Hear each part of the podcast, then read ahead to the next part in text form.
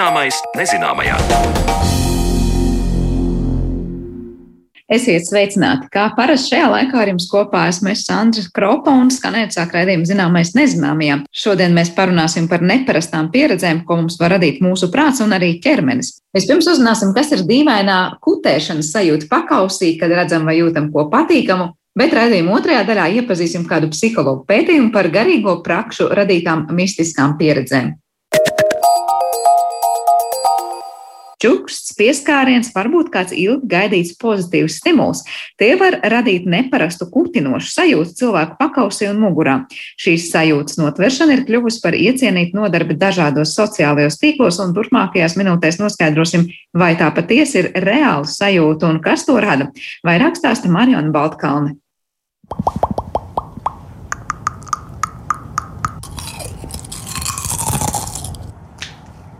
Kutinoša sajūta vai patīkama tirpšana galvas, kakla vai muguras apvidū, ko izraisa cita cilvēka čukstēšana, pakšķināšana ar lūpām, varbūt pat kāršu jaukšana tuvu mikrofonam. Vai esat kaut ko tādu piedzīvojuši? Skaņas varētu būt daudzas un dažādas, un tās visas spēj izraisīt fenomenu, kam dots nosaukums autonomās sensorās meridiānās reakcijas. Kā iespējams izskaidrot saistību skaņām un neparastajām sajūtām organismā? Talkā esmu aicinājusi Paula Stradiņa Kliniskās Universitātes slimnīcas neiroloģijas klīnikas vadītāju Eviju Miglāni. Viņa skaidro, ka autonomās sensorās meridiānās reakcijas nav gluži zinātnisks un neiroloģisks termins, bet kā tas radies un kur tajā tomēr ienāk neiroloģija, par to turpina Evija Miglāne. Tas termins pirmo reizi tika minēts nu, jau vairāk kā desmit gadus atpakaļ, aptuveni 2010. gadā, lai apzīmētu šīs izjūtas. Bet par to terminu runājot, Kāpēc tur ir minēts vārds autonoms? Tāpēc, ka mēs nevaram īsti kontrolēt šīs izjūtas, viņas vai nu notiek vai nenotiek. Un uh, ir šis vārds meridiāns. Un, ja mēs atceramies ķīniešu medicīnas sistēmu un cilvēku uzbūvi, kā tā tiek skaidrota, tad ir tādi vairāk meridiāni ķermenī. Un ņemot vērā, ka šīs sajūtas izplatās pa ķermeni virzienā no augšas uz leju, tad es saprotu, ka arī šis te termina autors ir ieslēdzis definīcijā šo terminu meridiāns.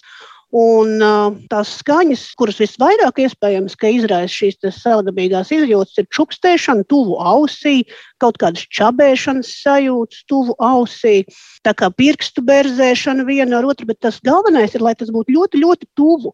Un tad tas sajūtas, ko šīs darbības izraisa, raksturojas ar to, ka sākas tā, tādas skudriņu sajūtas galvas apvidū, kas izplatās pa ķermeņa mugurējo daļu uz leju līdz pat kājām. Viņas atšķirās dažādiem individiem, bet tas princips ir tāds. Un tik tiešām par šo fenomenu angliski abrevijatūra ASMR. Par to ļoti interesējas cilvēku pēdējos gados, un es domāju, ka tas noteikti ir arī saistīts ar pandēmiju, kad tādi tuvāki kontakti vienam ar otru izpaliek tad uh, šīs ASMR reakcijas cilvēki meklē internetā, meklē YouTube. Tas ir trešais biežākais informācijas veids, kas YouTube tiek meklēts. Tā, tā popularitāte ir ļoti liela. Un ir cilvēki, šie ASMR aktieri, kas veido dažādus klipus uh, ar ļoti jutīgiem mikrofoniem, ar čukstēšanu, ar dažādu skaņu radīšanu.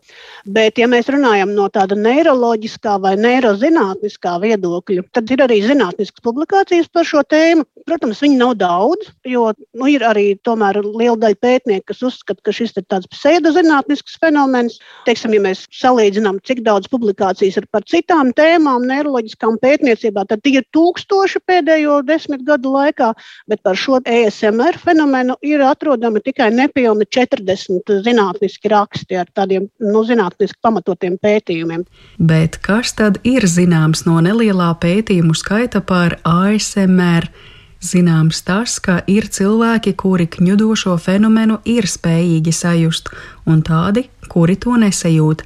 Līdz ar to viena pētījumu daļa analizē to, kā šie cilvēki atšķiras. Tie, kas ir spējīgi, tie cilvēki ir atšķirīgi pēc personības iezīmēm. Tad ir vairāk varbūt tādi cilvēki ar bagātu iztēli, ar uh, tendenci uz radošumu, iespējams ar kādām mākslinieckām dotībām, vairāk emocionāli, spējīgi uz dziļāku empātiju nekā tie, kas nespēj izjust un arī tādu tendenci uz neirotiskumu. Tā ir viena atšķirība. Un otra atšķirība ir tā, ka šiem cilvēkiem drusku citādāk strādā smadzenes, ja tā var izteikties. Respektīvi, ir uh, nedaudz citādi šie neironu savienojumi, proti tādā veidā, ka šie cilvēki sliktāk spēj kontrolēt savas sensorās izjūtas, respektīvi apspiest. Otra pētījuma daļa runā par to, kā tīri neiroanatomiski izskaidrot, ka audiāls un vizuāls stimuli principā izraisa sensoru sajūtas ķermenī. Ja šīs tirpšanas sajūtas, kā tas var būt? Un uh, ir skaidrs, kāpēc tas var būt. Tāpēc, ka dzirdes garoza dēniņu daivā, it īpaši tā dzirdes garozas daļa, kur atbild par klusu, zemes frekvences skaņu uztveri, ir saistīta ar somatosensoro garozu. Tātad to garozu, kas atbild par sensoru izjūtu, uztveri. Un tāpēc ir iespējams, ka noteiktas frekvences un skaļuma skaņu uztvere var izraisīt šīs somatas sensorās garozas aktivāciju. Kā to var uzzināt, kuras smadzeņu daļas aktivējas? Ir tādi pētījumi, kas ir veikti ar funkcionālās magnetiskās rezonanses palīdzību, kur teiksim, šiem cilvēkiem, kuri ir spējīgi šīm ESMR reakcijām, viņi ievieto funkcionālās magnetiskās rezonanses aparatā, un tad viņiem atskaņo, rāda šos video klipus, uz kuriem viņi reaģē, un tad laikā mēra smadzeņu aktivitāti un analizē to, kuras smadzeņu daļas aktivējas šo izjūtu laikā. Kad tieši cilvēki sākuši sajust ASMR, par to precīzu ziņu nav, taču izpausmes noteikti bijušas pazīstamas vēl pirms parādījās iespēja kaut ko tādu reģistrēt ar zinātniskām metodēm. Piemēram, mūsdienu austriešu rakstnieks Klemens Zets izteicis spriedumu, ka Virģīnijas Vulfas 1925. gadā izdotajā romānā Deloveja kundze aprakstīta ASMR pielīdzināma izpausme. Zets atsaucies uz epizodi grāmatā, kur medmāsa ar savu pacientu sarunājas zemā un maigā balsī, bet vienlaikus sienā zem līdzīgu raupjumu balsī, kas pārņem pacienta mugurkaulu un tiecoties augšup sūta viņa smadzenēm skaņas viļņus. Iespējams, rakstniecei Virģīnijai Vulfai jau bija kaut kas zināms par ASMR, bet varbūt arī par kādu citu fenomenu, jo izpausmju ziņā ASMR ir līdzinieki. Piemēram, ja mēs runājam par mūzikas un mākslas uztveri, ir cilvēki, kuriem ir tādi drebuļi un zosāda tādas kaut kādas īpašas mūzikas laikā, vai retāk varbūt, ja vizuāli kādu mākslas darbu vērojot, vai, teiksim, lasot kādu grāmatu, rodas šīs sajūtas, tad ir tāds termins frizons, respektīvi audiāls stimuls vai vizuāls stimuls rada sensors izjūtas ar zosādu visā ķermenī. Tā ir ļoti līdzīga izpausme. Uzskatu, ka šie divi fenomeni ir attiecīgi. Un ir arī izpētīts tas, ka cilvēki, kuri var izjust šīs ASMR reakcijas, ka viņi arī vienlaicīgi var izjust arī šo frizonu mākslas uztvers laikā. Mhm. Te varbūt kādam klausītājam varētu rasties eh, jautājums, paga, nu kā es, piemēram, arī klausos kādu skaistu operas dziedātāju, brīnišķīgo balsi, un man taču arī uzmetas zosāda. Tā tad arī ir šī ASMR vai arī te ir tā atšķirība tieši skaņām, ko mēs dzirdam, un to izsauktajām atbildes reakcijām? Tomēr ir neliela atšķirība starp šīm divām izjūtām. ASMR reakcijas izraisa ikdienišķas, klusas skaņas ļoti tuvu ausīm, papīra čabēšana, vai arī kaut kādas darbības, matu ķemmēšana vai kosmētikas uzlikšana, ko dara kāds cits. Ja? Tās sajūtas, kas ir saistītas ar šo ASMR reakciju, Viņas nav tik estētiskas, bet viņas pēc būtības ir tādas nomierinošas, labsajūtu radošas. Un tas arī atspoguļojas šajā funkcionālā magnētiskā rezonansē, jo tā smadzeņu daļa, kas aktivējas pie šīm ASMR, bet nav iesaistīta šajā muzikālā frizona reakcijā, Tā ir prefrontālā garoza, kas ir tā garoza, kas ir saistīta ar cilvēka komunikāciju ar citiem cilvēkiem, ar sociālo aktivitāti. Tā ieslēdzas, respektīvi, kad ir tāda tuva personīgas klātbūtnes sajūta. Bet tās frizona reakcijas vairāk ir saistītas ar estētiskas baudas izjūtu, un tur nav šī labsajūta tik ļoti, bet ir līdzīgas pazīmes. Un vēl ir dažas līdzīgas reakcijas, piemēram, ir tāds fenomens kā sinestēzija. Tas ir Ja cilvēks dzirdot skaņu vai melodiju, viņam tas saistās ar krāsu. Ja? Vai, piemēram, ciparam ir krāsa. Ir tādi cilvēki, viņi nav daudz, 10% sabiedrībā esot šāda spēja sinestētiski uztvert pasauli. Bet šajā ASMR gadījumā es jūtu, ka jā, mēs lielā mērā runājam par tuvajām, čukstošajām skaņām, bet tur kaut kur bez audiālā aspekta ienāk arī mazliet šis taktīlais, vai ne? Kad, piemēram, nu, kosmētiķis pieskaras mūsu ādai un Jā. noņem to vai matu ķemmēšana. No vienas puses Jā. tā ir ķemmēšanas skaņa, Jā. bet tā ir arī taktīla izjūta, vai ne? Tā ir taktīla izjūta, bet tas interesantākais ir tas, ka šīs ASMR sajūtas jau rodas ne tikai tad, kad kāds tiešām ķemmē matus vai uzliek kosmētiku, bet tad, kad to vēro video, kā tas tiek darīts. Un tas saka to, ka pietiek ar to, ka mēs redzam, ka šis cilvēks video ir mums ļoti tuvu. Ja un ļoti tuvu čukst vai ļoti tuvu darbojas ar ķēmi vai, teiksim, otiņu kosmētikas uzlikšanai. Šis taktīlais, protams, var arī izraisīt šīs sajūtas, ja to dara, teiksim, kāds tūs cilvēks mājās, jau otram ķēmē mats, bet nav vajadzīga tā taktīlā izjūta.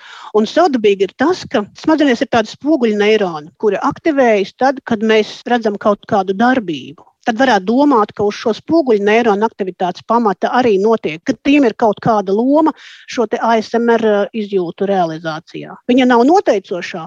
Noteicošā loma tomēr ir šīm neiroanatomiskām saistībām starp audiālo un somatosensoro garozu. Un vēl ir tā teorija, kāpēc tādas tuvas attiecības, uzmanības pievēršana izraisa tā ASMR sajūta. Tāpēc, ka tas parasti notiek tādā intīmā vidē, mājās.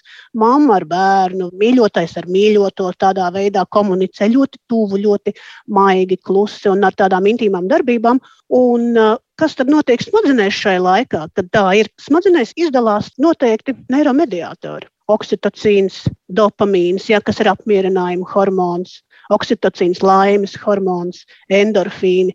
Un, piemēram, tas pats oksitocīns, ja viņš izdalās lielā daudzumā, tad var būt tādas skudriņu skriešanas sajūtas pa ķermeni. Jā, tādas uh, narkotikas veselīgā izpratnē, vai ne?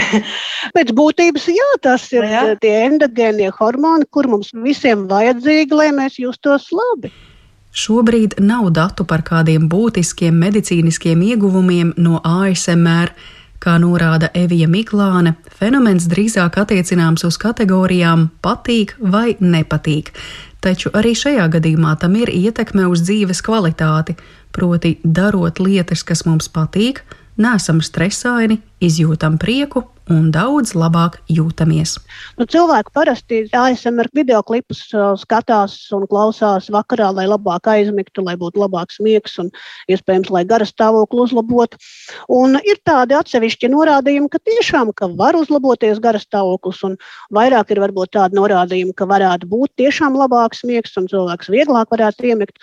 Interesanti, es arī paskatījos uh, telefonā, cik daudz aplikācijas ir pieejamas ar šīm ASMR izraisošām aktivitātēm. Tur ir desmitiem, ja ļoti daudz ar lietus radītām skaņām, ar kaut kādiem klucīšiem, kas sakrīt pareizā rindā, atkal un atkal no jauna. Ja, tā kā ļoti, ļoti daudz.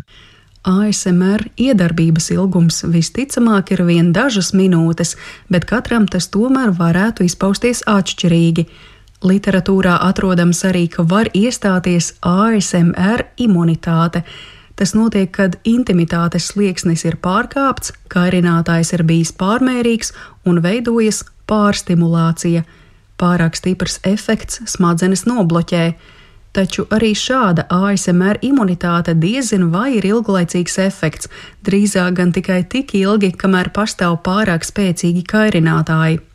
Vai parādību varētu izmantot reklāmu veidotāji? Jā un nē.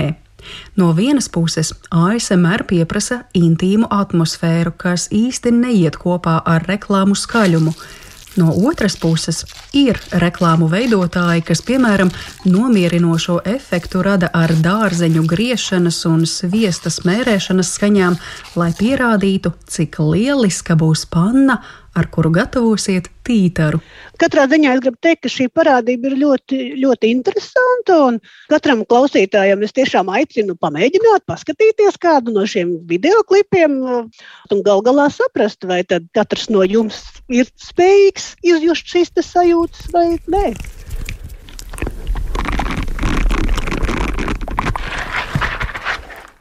Par tā tautā dēvēto smadzeņu kutēšanu Marionai Baltkalnei stāstīja neiroloģija Rīgas Tradiņu universitātes asociētā profesora Evija Miglāne, bet redzījuma turpinājumā skaidrosim, vai mistiskā pieredze un neparasti apziņas stāvokļi liecina par garīgu saslimšanu, vai tomēr ir dabiski sastopami visiem.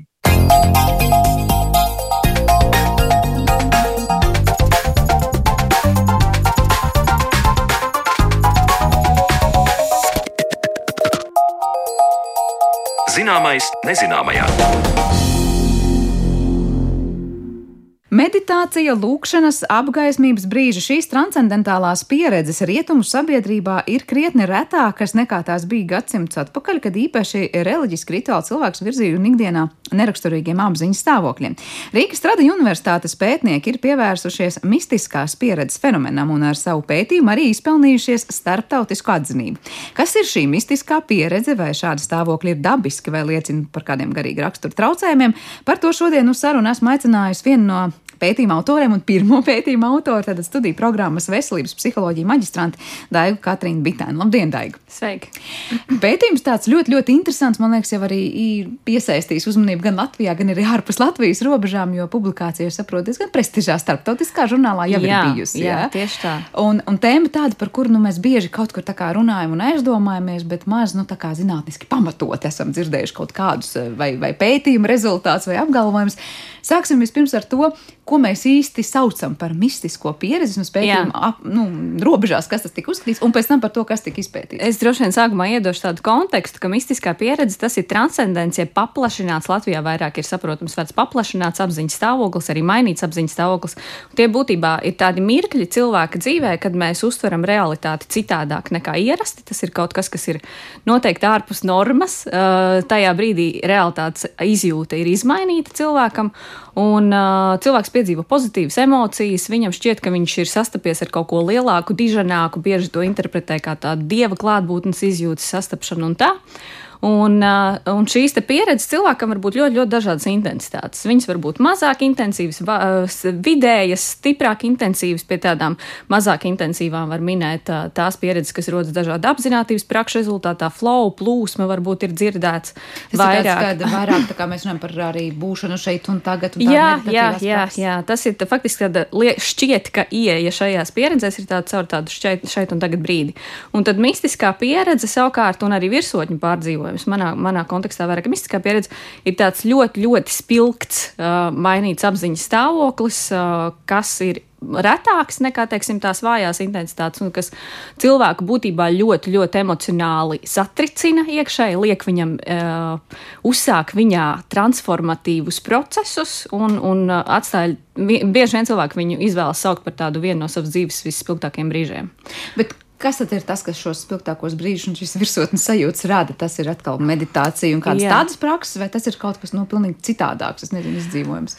Uh, par to, ja par to, kas ierosina šīs pieredzes, teiksim tā. Uh, Viņas mēdz būt gan spontānas, spontāni piedzīvotas, tādas dabiskas, garīgas attīstības rezultātā, nespeciāli viņas netur stimulējot, nekā, nekā speciāli ierosināt, ierosinot, bet viņas ir arī sasniedzamas ar dažādu garīgo prakšu starpniecību, kas mūsu, mūsu man liekas, ka šobrīd mūsdienās Latvijā ļoti kļūst ar vien vairāk populāri. Tas ir joga, tā ir meditācija, tas ir dažādi šamanistiskie rituāli un tāds, nu, es teiktu, tāds īsts ceļš ieiešanai mistiskā pieredzē ir elpošanas prakses, intensīvas elpošanas prakses un arī psihoaktīvo vielu lietošana, kas ir klātesoša arī šajos šamanistiskajos rituālos. Es gribēju tieši vaicāt, kur ir tā atšķirība, es nezinu, tajā, kā jūs pētījāt arī, nu, kas ir šī izmainīta apziņas stāvokļa, ka viens būs meditatīvā praksa vai kas cits, Un savukārt, es nezinu, dažādu pat alkoholisku dzērienu, varbūt lietošana un nonākšana kaut kādā citā sajūtā, ko tu saproti. Nesprat. Vai tas ir primāri tie paši principi strādā? Nē. Vai tas ir pilnīgi kaut kas cits, nē, vai es nezinu, narkotisko vielu lietošana? Nē, tas pilnīgi noteikti nav viens un tas pats. Mēs runājam par stāvokļiem, ka cilvēks saglabā skaidru apziņu.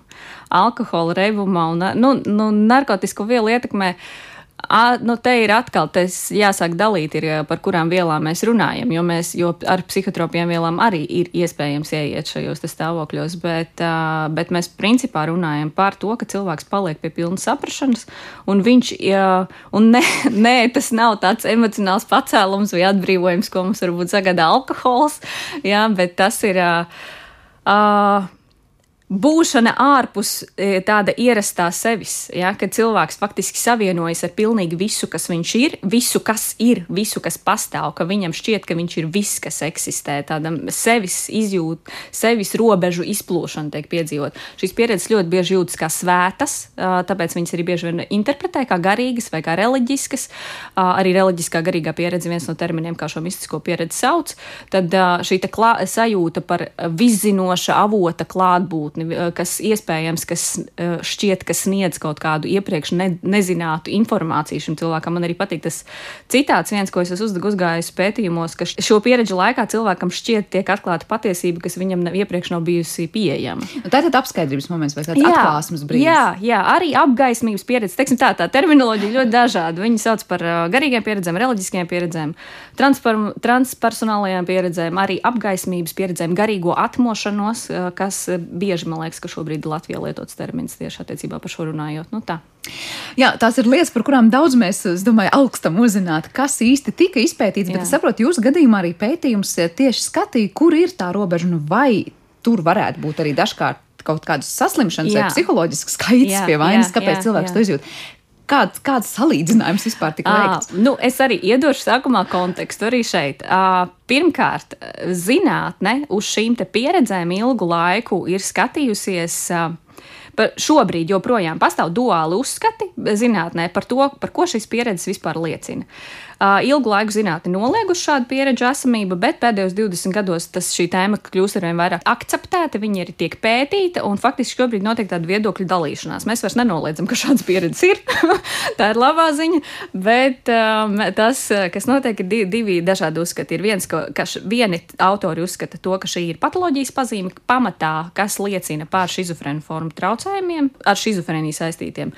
Un uh, tas ir tāpēc, ka šai mistiskai mistiskai pieredzē viņa ir tik ļoti intensīva, ka viņai ir viņai patiešām ir pēc satura, pēc formas līdzīgas pazīmes kā psihozē, kas ir arī eh, epizode, patoloģiska epizode, kurā cilvēkam zūd realitātes sajūta, viņam jūka, kas ir reāls, kas nav, viņš ir dezorganizēts, viņš var dzirdēt balsis, halucinācijas, respektīvi šī izmainītā uztvere viņam ir raksturīga, un tas pats var būt raksturīgs arī uh, mistiskajai pieredzē. Līdz ar to ir tā uzskatu šķelšanās par to, ka šī rekur mums ir patoloģijas pazīmes būtībā, kas liecina par to, ka cilvēkam varētu būt kaut kādas psihiskas saslimšana, un tajā pašā laikā ik pa laikam, pēdējo simts gadu laikā, zinātnē ir aktualizēts tas viedoklis, ka, nu, nē, līdz galam mēs nevaram no, nu, pateikt to, ka tā ir tikai patoloģija. Ik pa laikam ir kāds mēģinājis aktualizēt to, ka, ka no šīm pieredzēm cilvēks var gūt milzīgi daudz resursu, ka viņas būtībā ļoti iekšēji transformējošas un pozitīvas, pozi ar pozitīvu iznākumu, un tad pēdējos 20 gados ir tāds milzīgs vilnis, kad ļoti tiek skatīts šis te virziens, un šis virziens, ka tā ir garīga pieredze savā būtībā, gūst, nu, tas svaru kausu lietu liecās uz otru pusi šobrīd. Ir pamats uzskatīt, ka ja tās ir šīs garīgās pieredzes, nu, kuru rezultātā cilvēks izjūt šo izmainīto Jā. realitāti, viņš tad vienmēr izies no tā stāvokļa daudz, es nezinu, pozitīvāks, ne, ne destruktīvāks, kā viņš tajā iegāja. Proti, ja tā būs tā psihoze, tur būs varbūt panikas lēkmes vai kas tāds. Jā, tieši tas, kā to atšķirt, ir, kā pē, mistiskās pieredzes gadījumā šis cilvēks pēc laika spēja atgriezties normālā funkcionēšanā, šī dezorganizācija viņu pāriet, viņa, viņš spēja atgriezties ikdienas dzīvē, un viņš spēja izdarīt loģiskus secinājumus no šīs pieredzes, un būtībā viņā aug šīs te. Uh, pozitīvā ietekme, kas ir ap, apmierinātība ar dzīvi, lielāka spēja saskatīt dzīvē lielāku jēgu, spēja sevi saskatīt kā elementu lielākā kopumā, nu, tādā lielākā kontekstā. Savukārt, psihozes gadījumā cilvēkam šī dezorganizācija var saglabāties ilgstoši, un viņš nespēja izdarīt šos loģiskos secinājumus, kā notiek mistiskajā pieredzē. Tā kā principā tas ļoti lielā mērā ir tas integrācijas jautājums. Viens vairāk virza, otrs tā vairāk nu, gremdēm. Nav laikam pareizais vārds, ko teikt, bet apmēram ideja skaidra. Kas ir tas, kā jūs to mērījāt, un kas liek pateikt? Es nevaru pat iedomāties, tagad, nu, kā aptaujāt cilvēkus un pateikt, ko tu jūti, ko tu piedzīvoji, paskatīties, es neesmu slims vai kā. Tas, ir, tas bija vesels process. Uh, mēs mērījām ar tās, nu, tie psiholoģiski, psiholoģiskie instrumenti, ja, kuru pamatā ir matemātiskas modelēšanas metodes. Viņi ir pārbaudīti, viņi ir ļoti rūpīgi izstrādāti, un tas, ar ko mēs mērījām, bija tas, ir principā tas izskatās pēc jautājumu ska skalas, pēc jautājumu sarakstos, kuriem cilvēks atbild. Uh, mistiskās pieredzes novērtēšanā mēs izma izmantojām uh, Ralfa Vilburu Hudet, kas ir uh, ārzemju autors. Uh, viņa adaptētu aptauju tieši par mistisko pieredzi, kas ir būtībā viena no tādām biežāk izmantotajām un atzītākajām metodēm pasaulē. Mēs, mēs faktiski ļoti ilgu laiku, divus gadus veltījām tam, lai viņu vispār adaptētu Latvijā, lai viņu mēs vispār varētu izmantot un mērīt. Tāpēc šis pētījuma ilgums ir šie četri gadi, jo sākumā ir jādabū instrumenti, ar ko to vispār izdarīt. Un tad līdzīgi man kolēģi Laura Regsdiņā Rīgas Tradiņu universitātē ir adaptējusi garīgā intelekta sistrī kas ir garīgā, eh, instrumentu garīgā intelektu novērtēšanai. Ja? Un, eh, un tas, ko, tas, ar ko mēs mērījām patoloģiskas personības iezīmes, ir tepat Latvijā izstrādāts Latvijas kliniskais personības tests Rīgas Tradiņu universitātē. Un eh, tas, tas ir tieši mēra šīs patoloģiskās iezīmes un ir tieši uz mūsu kultūru vidi. Tās patoloģiskās izmaiņas mēra, nu, piemēram, ir vai nav cilvēkam kaut kāda noslēdzu šizofrēnija vai kaut ko citu, vai tas ir kaut kāds arī pašnovērtējums Jā, cilvēkam? Tas, ko aptāvi. mēs mērījām, bija šizotipiskas personības iezīmes. Tā ir patoloģiskas personības iezīmes, ka cilvēkam, piemēram, ir raksturīga atsvešinātība no citiem cilvēkiem. Viņiem, viņam ir grūtības just tādas emocijas, vispār kā tāda ierobežota emocionalitāte. Viņam ir noslēdz darīt pāri pašam sev tīšu paškaitējumu pazīmes, un tās pazīmes, ar kurām tomēr tiek visbiežāk šī mistiskā pieredze saistīta, ir šīs tipiskas personības iezīmes, kas sauc dīvainas pārliecības, uztveres dīvainības, ka cilvēks, piemēram, var ticēt, ticēt visādām pārdabiskām lietām. Ja? Nu, kad, piemēram, man par radio kaut ko saka, vai tur ka iedomāties, ka, piemēram, ka Uh, es nedrīkstu kāpt uz akvākiem. Respektīvi, visā, vis kaut kādā, nu, mēs tās, varbūt tautā mēs tās drīzāk saucam par mājiņticībām, bet uh, šis tipisks personība, šis tipisks personības gadījumā tas ir tā izteikti. Un, uh, un, un savukārt uztvers dīvainības ir, kā cilvēks uh, spēj uztvert dažādas ķermeniskas pieredzes, iespējams, šīs balsis, kaut kas halucinācijām līdzīgs, bet tas nav tik spilgts, lai varētu uzstādīt šo šizofrēnijas diagnozi. Un, jā, Tad nozīmē, labi, tas ir tas viens, var teikt, tas eh, patoloģisko pētījumu gals, ja kur skatāmies, ir nav kaut kādi psiholoģiskie traucējumi cilvēkam vai vismaz iezīmes to. Tad bija jums tā grupa cilvēku, kas, nezinu, atbildēja par tām savām garīgajām pieredzēm, ja? Jā. Un tad jūs skatījāties, vai viņam tas piemīt vai nepiemītās. Mēs, nu kā, te, te tur, tur tas interesantums ir, ka parasti zinātnē, nu, par cik ir šis konfliktējošā situācija, tad vieni saka, re, kur ir viens, un mums ir re, pierādījumi par vienu polu, un otrs saka, re, kur nē, re, kur ir otrs, un mums ir pierādījumi par otru polu. Tas, ko mēs izdarījām, mēs salikām visu kopā. Mēs izmērījām uh, mistisko pieredzi, mēs izmērījām garīgo intelektu tiem pašiem cilvēkiem, un mēs tiem pašiem cilvēkiem izmērījām šīs šīs tipiskās personības iezīmes un psihotisku traucējumu simptomus, kas ir vēl viena iezīme patoloģiskā. Uh, un tad mēs skatījāmies, kā šie visi elementi ir savā starpā saistīti.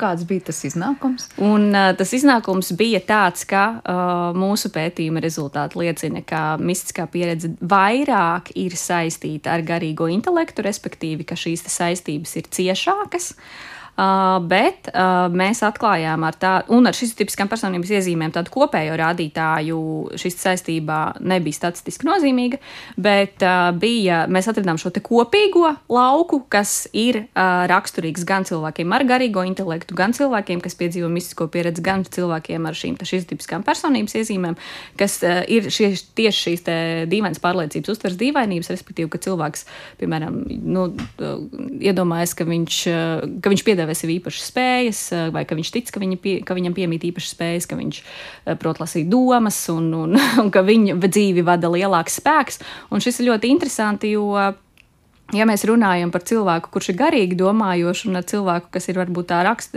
raksturīga, kam ir vairāk tiešām tā šizotipija, tad iespējams, uh, ko mēs arī izvirzījām kā hipotēzi, ka, š, ka par šo mēs varam diskutēt, jo iespējams, ka divos šajos dažādos gadījumos tas tiek interpretēts šie jautājumi dažādi, ko mēs uzdodam. Nu tā.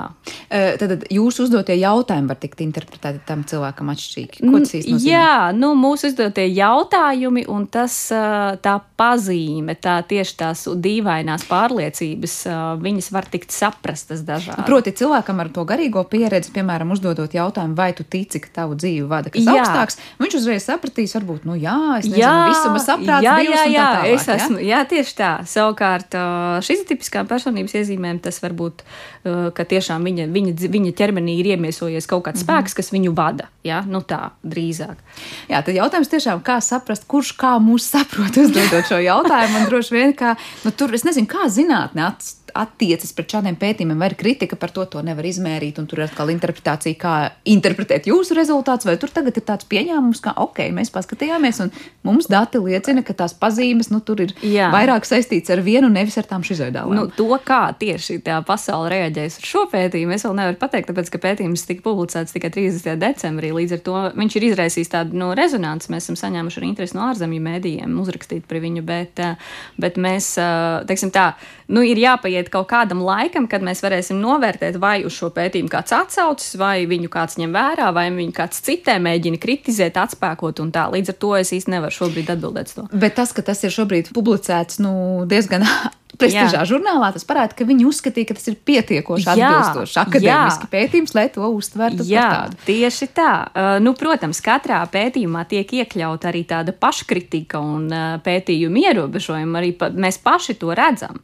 un mēs paši uz to norādām kā pētnieki. Bet uh, tas, ka šis pētījums ir publicēts starptautiskā žurnālā, nozīmē to, ka viņu ir recenzējuši, pārbaudījuši un skatījušies un apstiprinājuši to, ka jā, ka balstoties teorijā, balstoties uz datiem, mēs varam teikt to, ka tas tā ir. Faktiski vairāki cilvēki pasaulē, kas šajā jomā specializējas. Bet jūs šajā pētījumā tad viena ir šī empiriskā daļa, kur jūs Jā. Skatījāt konkrētus cilvēkus, un saprotat arī tā teorijas bāze tur ir aplūkot un skatīt, cik daudz ir tās teorētiskās bāzes par šo jautājumu pasaulē. Patiesībā ļoti daudz. es biju, es, šis bija viens no maniem lielākajiem pārsteigumiem studiju procesa laikā, jo tad, kad es sāku uziet. Uh, teiksim tā, es, es biju piedzīvojis šīs pieredzes, es ļoti maz par viņām runāju, jo es, nu, mūsu sabiedrībā pastāv visu kaut kādi aizspriedumi un mīti par to, un es negribēju izraisīt kaut kādas liekas reakcijas, un, bet es biju ārkārtīgi pārsteigta un atvieglota, kad es sāku uziet pamatotu zinātnisku informāciju par šīm tēmām, un kad es sāku, sāku saprast to, ka pasaulē šī tēma ir ļoti dzīva, ļoti aktīva, ka cilvēki veido šo te teorētisko bāzi. Nu, teiksim tā, ja mēs ņemam no tādas zinātnes griezuma, un tad pēdējie 20 gadi nu, kopumā es teiktu, ka zinātnē nu pat tikai sākusi ieskatīties šajā laukā. Tas ir viens liels neapzinātais lauks, kurā mēs visi pagaidām kāpjam iekšā, bet uh, tas, kur teorijas ir, ir teorijas par to, kā norit mistiskā pieredze, kādas ir viņas pazīmes, kāda ietekme viņam ir uz cilvēku, kāda ietekme ir uz cilvēka veselību, kur ir riski, kur ir saistība ar patoloģiju, kur ir iespēja uz kaut kādām traumatiskām sakām, iespējams, klīniskām sakām, respektīvi šie gadījumi tiek apskatīti. Bet to, kas tas īsti ir un par ko tas īsti nozīmē, nu, tas ir viens liels nu, hipotēžu minējumu klāsts. Jā, tur droši vien tuvākā, tālākā nākotnē mēs vēl dzirdēsim Jā. daudz interesantu. Kas ir šie riski, kas arī teorijā tiek pie, pievē, nu, piemēroti šim pieredzēm? Uh, nu, pirmkārt, jāmin tas, ka ne visas mistiskās pieredzes beidzas pozitīvi. Ja? Viņām. Uh, viņas mēdz iztriggerēt arī šo patoloģiju. Lielākā daļā gadījumā, protams, runā par to, ka viņām ir pozitīva ietekme, bet uh, daļā gadījumā, par cik viņi ir tik ļoti intensīvi un emocionāli satricinoši, viņa mēdz uh, iztriggerēt kaut kādas psihiskās saslimšanas. Izvilkt ārā to, kas varbūt klusi dus. Jā, jā, kaut, kaut ko kur. no zemapziņas, kas klusi dus. Uh, tad otra lieta, kur ir riski mūsu kultūrā, ir ārkārtīgi daudz aizspriedumu, stereotipu un priekšstatu par to, kas tas tāds ir, un viena daļa sabiedrības joprojām ir noliegumā, tos nu, sauc par par māņiem, par, par to, ka kaut kas tāds neeksistē. Un, līdz ar to mūsu kultūrā ļoti spēcīga sociālā stigma, kas faktiski savukārt cilvēkam, kurš šo mistisko pieredzi piedzīvo, viņš, viņam ir, vai, viņam ir teiksim, lai to pieredzi pārstāvētu, viņam ir vajadzība, vajadzība par, to run, par to runāt, ar to dalīties. Un tad, ja cilvēks savukārt saņem šo pretreakciju no sabiedrības, tad tas arī var ietekmēt negatīvi šo te, un apgrūtināt šo pieredzes integrācijas procesu. Nu, tā, tā kā tādi tie galvenie riski. Varētu būt tā, ka mēs rietumu sabiedrībā patiesībā varbūt diezgan bieži pieredzam to pašu pieredzi, mm. bet mums liekas, nu, tas ir par austrumiem un tas ir par jogas praksēm, kas ir pieņemami zināmas, varbūt tur vairāk nekā šeit. Lai gan man liekas, šobrīd par jogas praksēm Latvijā arī var gana daudz runāt. Nu, šobrīd man liekas, ka šī tēma kļūst ar vien interesantāka un pieņemošāka. Un, un ir īstenībā tāds diezgan jau tāds, es teiktu, kāds viens no riskiem, kas arī ir, ka cilvēks sāk dzanāties pēc šīm pieredzēm, kas it kā ir dabiska garīgās attīstības sastāvdaļa, bet cilvēki, teiksim, mērķiecīgi iet, viņas nav sasniedzams kā mērķis pēc būtības, bet viņas var sasniegt. Proti, tad, ja cilvēks pasaka, es vienkārši gribu pieredzēt to un to un to, jā. bet viņš nevis attīsta savu apziņu līdz kaut kādam transcendentālam līmenim, jā, ja? jā. bet viņš mēģina panākt, kā saka, rīka kaut kādu jā, un tad tie riski arī ir, es, nu, tā ir hipotēze šobrīd, bet es teiktu, ka šajos gadījumos šie riski ir arī lielāki. Ja, jo, jo, jo, jo, ja, ja, jo cilvēkam pēc būtības ir jābūt diezgan stabilam personībā, lai viņš spētu, spētu aiziet šajā garīgajā attīstībā. Un, ja cilvēks vienkārši to mēģina izklaides pēc, tad, jo īpaši, ja mēs runājam par psihoaktīvām vielām, kas arī saistīts ar noteiktiem riskiem, tad, protams, kad, kad tas, tas riskantums ir lielāks. Bet, ne, jā, jā, un vēl viena lieta, ko es gribēju pieminēt, par to sociālo stigmu. Mums jau ir joprojām uzskats, ka šīs pieredzes ir patoloģiskas arī sabiedrībā. Līdz ar to cilvēki, tas, ko es es dzirdu, tas, ko man cilvēki saka, jo īpaši tagad, kad es sāku par to runāt, ka viņi saka to, ka jā, Daiga, es atpazīstu, par ko tu runā, bet man ir bail vispār par to, ar kādu runāt, tāpēc, ka man bail, ka man uzskatīs par traku vai jukušu. Un tas arī ir viens no šiem riskiem un faktoriem, ar ko mēs šobrīd, kur mēs šobrīd esam kā sabiedrība jā, nu, tur laikam ir jautājums par sabiedrības vispār pieņemšanu. Jā, par jā, jā, jā. Par tiem riskiem vēl runājot, ne par gluži psihoaktīvo vielu lietošanu, bet uh, varētu būt tā, ka tagad ir tā tendence, nu, es tagad būšu apzinātības, es nezinu, tur jā. guru vai kas, un cilvēkiem vienkārši gribas jau sajust, nezinu, pieredzi, kur viņi patiesībā nepiedzīvo. Proti, ka viņš saka, es redzēju meditācijā tādu jā. gaismu vai šādu, bet patiesībā viņš neko nav īsti redzējis. Nu, jā, jā. Un varbūt viņam pat nebija jāredz tā pieredze, pat nepaģēra, ka tas noteikti ir jādara. Jā, šis ir ļoti interesants jautājums, par ko es arī domāju, jo tad, kad es sāku pētīt to jautājumu, ir, ka ir jāsaprot to, ka tā ir pieredze. Tā nav doma vai tā nav iedomāšanās, ka es kaut ko piedzīvoju. Tā ir patiešām, ka cilvēks pazaudē šo kontaktu ar realitāti un piedzīvo uh, to, ka viņš ir viens ar visu. Nu, tā, līdz ar to, jā, bet, uh, bet jā, ir vērojams uh, tas, ka uh, cilvēki šādi dara. Un nekad jau nevar zināt, vai viņš tiešām ir kaut ko piedzīvojis vai nē, bet, bet, bet man šķiet, ka tas tā varētu būt. Tas tā kā tāds modes tendences, kas parādās. Jā. Uh, nu, protams, katram ir jābūt atklātam un patiesam pret sevi un Jā. mānīt sevi par to, ka es kaut ko esmu redzējis un kļuvis garīgāks šodien nekā vakar. Protams, ir nu, varbūt ļoti vilinoši, bet nu, ne ļoti tālajoši. Es gribēju vaicāt vēl par tām uh, piesauktām garīgā intelekta nezinu, pazīmēm vai skalām. Kas jā. tur tiek mērīts un kas tas ir? Garīgais intelekts. Uh, Pēc būtības ir tāds cilvēku spēju kopums, kurā viņš uh, spēj uh, integrēt savā dzīvē tādus šos te transcendentos, šos te garīgo domāšanu, rīcības, uh, spēju sevi saskatīt tādā lielākā kopumā. Un viņi raksturo būtībā tādas četras pazīmes, kas ir kritiskā eksistenciālā domāšana, ka cilvēks spēj domāt par jēgu dzīves, uzdot jautājumus par dzīves jēgu, spēj par to reflektēt un skatīt dzīvi tādā lielākās kategorijās. Tāda ir personīgās nozīmes veidošana, kas nozīmē to, ka cilvēks spēj Eh, piedzīvotajiem notikumiem piešķirt eh, viņam eh, saprotamu nozīmi un vispār notikums, teiksim, padziļināt šo notikumu jēgu, piešķirot viņiem šo nozīmi. Tad ir šī transcendentāla apzināšanās, kas nozīmē to, ka cilvēks redz sevi kā daļu no lielāka kopuma un apzinās sevi kā, kā ka viņš ir nu, viens tāds mazs spēlētājs visā tajā lielajā kopumā. Un ceturtā pazīme ir tieši šī spēja uh, sasniegt šos te mainītos apziņas stāvokļus un iespējams pat viņos apzināti ieiet ar šo garīgo prakšu starpniecību, kas ir meditācija, kas ir joga un citas. Ja cilvēkam nav, piemēram, šī galīgā intelekta pazīmes, tad, eh, nu, piemēram, viņš nejūt sevi kā daļu no kaut mm -hmm. kā mhm. lielāka, bet tāpat laikā, ja viņam ir šīs, te, šīs vitālās pazīmes, kas pasaka, es dzirdu tur, es nezinu, jā, kā mani vada, tas nozīmē, kā viņš vispār varētu iet tajā stāvoklī, ko varētu jaukt, nejaukt ar šo mistisko pieredzi, jo viņš nu. netic kaut kam tam vai kā. kā Ieiet tas, nu, var vai vajag. es es negribētu atbildēt šo jautājumu, jo, jo tad. Jo tad uh, Nē, es vienkārši domāju, vai to vispār viņš spēja aptvert, ja viņš pat nereflektē tādās kategorijās. Proti... Um, grūti spriest, man nav atbildes uz šo jautājumu. Katrā ziņā ar šo prakšu palīdzību šīs pieredzes var ieros, ierosināt. Es teiktu, nu, faktiski, nu, gan tā nekad nav garantija, ja, ka cilvēks sasniegs šo mistisko pieredzi, bet uh, viņas ir iespējams. Uh, mākslīgi izraisīt. Bet vai vajag ir milzīgs jautājums? Tur ir pēc tam tas jautājums, ko sākumā teicām, ka tas destruktīvais un savukārt Jā. elements, kas varētu būt diezgan klātesošs. Uh, protams, ka cilvēkiem parasti patīk visu, nu, vai var izmērīt, vai var nosvērt, vai var ieraudzīt kaut kur. Mm -hmm. Eh, droši vien, ka par garīgajām praksēm un to pieredzi, garīgo pieredzi, nu, izmērīt, laikam, ir grūti. Tieši tagad, nezinu, uzliksim sensorus uz galvas cilvēkam un pateiksim, kas notiek ar viņas smadziņu. Viņiem Nā, ir, ir iespējams, nav tas iespējams. notiek. Latvijā, protams, ka mēs vēl neesam līdz tam tikuši, bet uh, ārzemēs tas notiek. Jā, notiek smadziņu skanējumi, notiek um, uh, ar elektroencefalogrammu mērā, ar uh, dažādām citām metodēm tiek arī mērītāji, kas notiek ar cilvēka ķermeni, kā mainās elpošana, kā mainās sirds darbība. Uh, protams, ka laboratorijas apstākļos pētot, um, un tas notiek daudz, un tas notiek ar, gan ar šo psihoaktīvo vielu lietošanu izraisot šīs pieredzes gan arī cilvēkiem, kas tiešām spēj šajās pieredzēs ieiet meditācijas uh, un lūkšanas rezultātā. Tad uh, tie cilvēki, kas piedalās šajos pētījumos, uh, bet tas, kas, teiksim, ir varbūt apgrūtinātāk, ir tieši šīs spontānās pieredzes, jo tās nav iespējams noķert.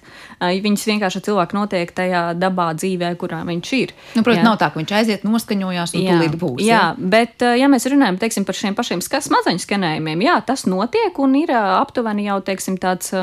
Nu, tie pētījumi vēl ir diezgan neskaidri. Viņi vēl, nu, es neteiktu, ka viņi liecina visi par vienu un to pašu. Tur ir jāmeklē tādas kopsakarības, bet pēc būtības, kuras smadzeņu zonas ir aktīvākas, kuras vājākas, tas jau ir zināms. Līdz ar to, jā, šis arī ir vēl viens apstiprinājums, ka mēs runājam par reālām pieredzēm, jo to laikā mainās cilvēka smadzeņu darbība. Es saprotu, šis viļņu garums arī noteikts, kas, piemēram, parasti ir pie meditatīviem jā, stāvokļiem jā, vai ļoti tādiem jā, mierīgiem jā, stāvokļiem, jā, kas, laikam, būtu notverams tajā brīdī. Jā, tu, ir, ir daži pētnieki, kas pēta, kā mainās šie viļņu svārstības tieši tajā brīdī, kad cilvēks uh, sasniedz kaut kādu tādu stāvokli. Vai mēs te runājam arī par to, ka cilvēks varbūt nav gluži tādā šeit un tagad meditācijā nonācis, bet uh, viņš vienkārši, nezinu, nododas lūkšanām mm -hmm. vai mhm. meditē, nu, kā teikt, nu, vienkāršāk mēģina kaut kā tās yeah. savas domas atslēgt vai atkal virzīt ne citā virzienā, proti, kur varbūt tās pašas skrien.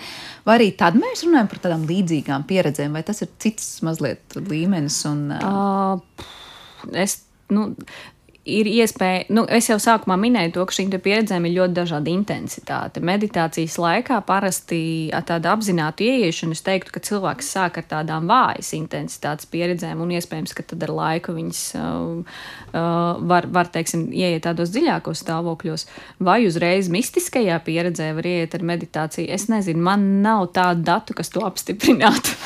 es gribēju jautāt par tiem cilvēkiem, kas piedalījās pētījumā, nu, tie bija šeit Latvijā cilvēki. Ja, kas, uh, jā, jā, man manā pētījumā, jā. Vai bija kaut kāds vienojošais, es nezinu, viņu vecums, eh, dzimums, nodarbošanās? Vai, jā, vai mēs sākumā grib, mēs gribējām taisīt pētījumu, protams, par abiem dzimumiem, bet par cik mums bija ļoti maz vīriešu atsaucības, tad rezultātā sanāca, ka pētījums ir tikai par sievietēm, kas ir arī ierobežojušais faktors, kas ir jāņem vērā, izvērtējot šī pētījuma rezultātus. Un visādi citādi mēs. Uh, teiksim, nu, mēs neizdalījām sīkāk kaut kādus citus parametrus. Mēs ievācām datus, bet uh, mēs ne, neesam atspoguļojuši šīs saistības uh, pētījumā. Tā. Kādi ir tālākie soļi? Labi, mēs gaidām starptautisko rezonanci vairāk Jā. no tā, kas jau šobrīd starptautiski ir pieejams un Jā. lasāms cilvēkiem, bet vai pētījumam ir tālākie soļi, kas atkal notiks, vai pie kā šis novedīs tālāk? Uh, šis konkrētais pētījums man ļoti gribētos teikt, ka viņš ir noslēdzies, uh, bet es turpināšu pētījumu, pētniecību. Uh, visticamāk, vairāk pievēršot uzmanību tam, kā cilvēki integrē šo stāvokli un kas nosaka to, ka viņš tiek veiksmīgi integrēts un ka cilvēks spēj gūt šīs te, šo te pozitīvo ietekmi, šo jēgas izjūtu, šo labi izjūtas izjūtu, un kas attiecīgi tad mazina tos riskus, ka, ka cilvēks varētu novirzīties šajā patoloģijas virzienā. Tā kā tas ir tas, kas man interesē. Uh, Nu, redzēs, kā man ar to ies. es saprotu, šis vispār bija maģistra darba kontekstā veikts pētījums. Tad, tas ir pārsteidzoši, ka maģistra darbu veicot patiesībā jau sanāk publicēties tik eh, prestižā žurnālā. Jā, Rīgas Tradiņu universitātē šajā ziņā ir ļoti patīkama motivācijas sistēma, jo studenti kā eh, maģistra darbu var pielīdzināt starptautiskā, starptautiskā žurnāla publikāciju. Līdz ar to tā man bija tāda motivācija. Uh, aiziet jau maģistra laikā līdz publikācijai. Es biju ieguldījis daudz darba jau bakalaura laikā, līdz ar to nu, nebija tā, ka es uzsākot maģistrantūru sāku no nulles. Pētījums patiešām jau bija ieguldīts liels darbs, un līdz ar to es to publikāciju varēju uzrakstīt. Tā kā jā, šī būtībā ir maģistra darba ietverā veidota publikācija. Un jā, ja publikā... maģistra darbs var beigties ar starptautisku publikāciju, jā. es domāju, tas ir tas, ar ko varam arī apsveikt jūs visu klausītāju vārdā, un, protams, vēlēt veiksmus arī visos tālākajos pētījumos, un būs tik tikai interesanti skatīties, kā tie attīstīsies un kādu rezonanci tie gūs citviet pasaulē. Paldies par šo sarunu. Es atgādināšu, ka mm, Rīgas Tradiņu universitātes studiju programmas veselības psiholoģija maģistrāta un pētījuma autora tātad bija pie mums studijā Daiga Katrīna Bitēna. Ar to redzījums ir izskanējis par to parūpējās producenta Paula Gulbinska, mūzikas redaktors šai stundai bija Girds Bišs, Kristīna Delbija, skaņu režijā un es Sandra Kropa studijā. Paldies jums par klausīšanos un uz tikšanos!